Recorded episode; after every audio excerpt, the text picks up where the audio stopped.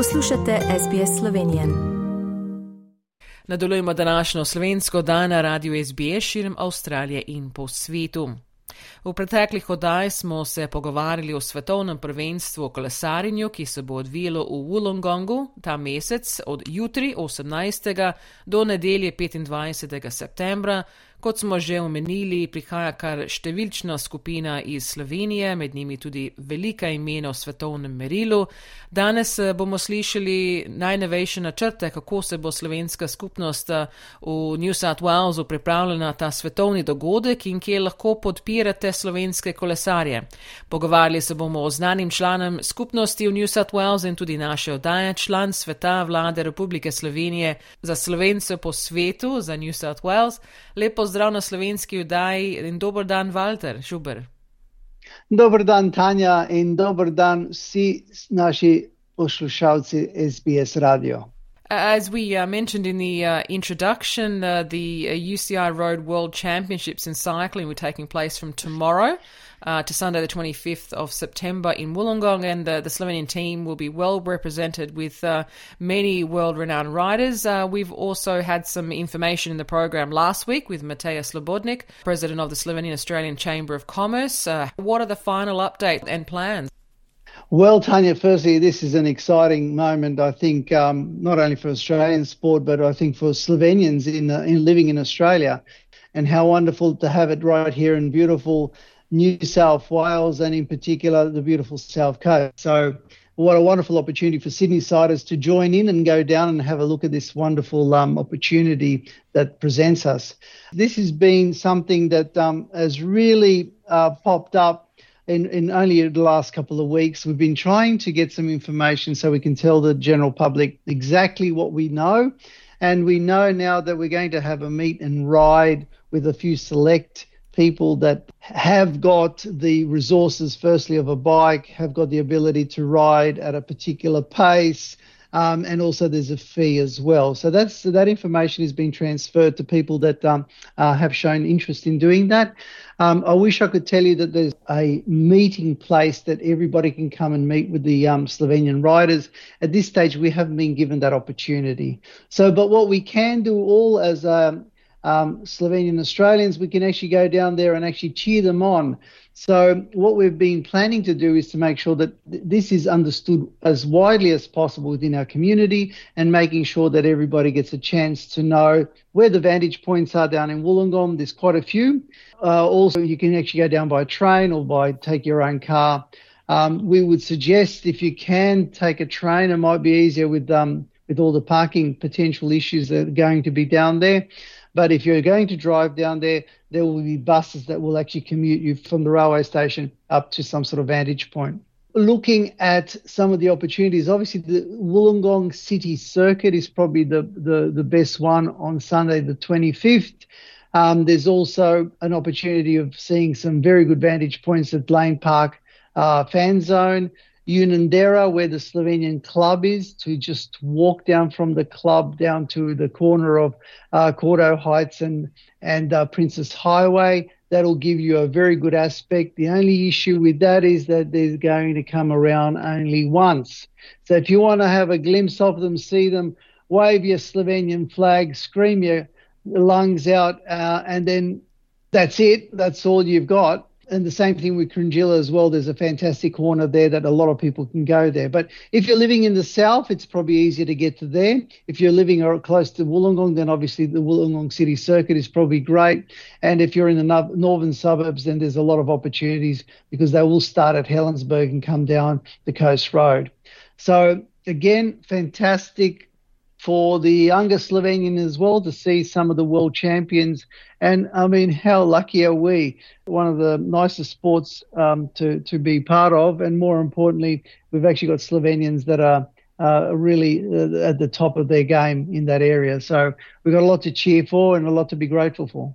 And we know uh, that uh, Tadej Pogacar uh, will be one of those uh, riders, top uh, class riders, that will be here in Australia. Unfortunately, uh, Primoz Roglic won't be able to join us. If people want more information about the meet and ride, how do they get a hold of this? Look, the best way is to read it on the website. Um, and also, we've been trying to send it to as many people as we can in relation to um, just emails. Unfortunately, there's not another platform that we can actually use. So we're trying to uh, direct people to the Voice of Slovenian Australians. This is the Facebook page, right? This is the Facebook page, yes. So you should have all the detail there. We're not planning to get a busload of people and shipping them down. I think everybody's doing that uh, with their own uh, vehicles or their own um, steam. But what we really want people to do is to definitely show the Slovenian colours.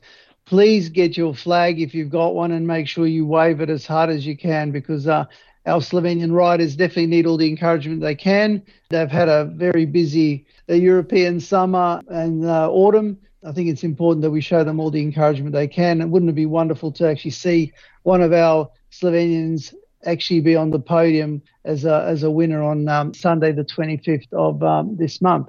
Look, during this whole week, there's going to be different trials and different things. There'll be some female races. There'll be some uh, younger younger kids races as well. All that's in the program. All that information will be on the Facebook page. And please go to that and identify what you'd like to go and have a look at. Find the times, um, it tells you how many circuits of one they'll be doing. It'll tell you the actual route that they'll be taking. And then the only thing you've got to identify is where would you like to park the car or take the train to and then uh, go to it. And uh, obviously, we'd uh, you know encourage everybody as much as possible to come and uh, support uh, the Slovenian team as well as we're on the, already on the topic of, of cycling. Uh, we know that the Triglav Mountie Cycling Club gathers monthly as well and on various locations, not just to cycle but also then potentially to walk or run. How's that going, and, and where I guess is your next uh, meet? Well, what a segue. Thank you very much for that. Well, today, as a matter of fact, we're actually going down uh, to Canberra. We're actually catching up with a couple of uh, people from Canberra. A lot of Sydney siders are going down there, which is fantastic. There's going to be a, it's like an overnight trip for us actually. So we're going popping down there this um, this afternoon.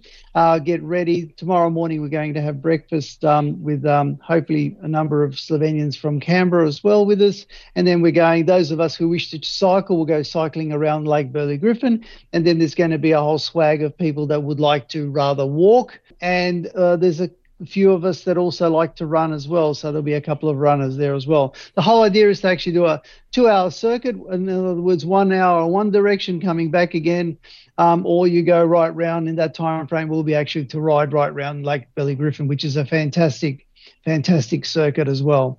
And then there's uh, in the next couple of um, months, we've actually got more uh, opportunities for people to come along. The weather's hopefully going to get better, warmer, and you'll have um, and, and just to get together and have a bit of a laugh and a bit of a chuckle together, I think is fantastic. Well, we hope obviously as many uh, Canberrans that are listening right now, they'll be able to join you uh, tomorrow. Where would you have the meeting point?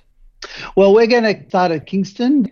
We'll have probably breakfast there. That information's been uh, uh, went through our Slovenian friends down in Canberra, so uh, hopefully everybody knows that. And then what we'll do is from there after breakfast, we'll actually go for a walk. We don't want to do that on an empty stomach. I know that um, we need to we need to get all the energy we can before we do that.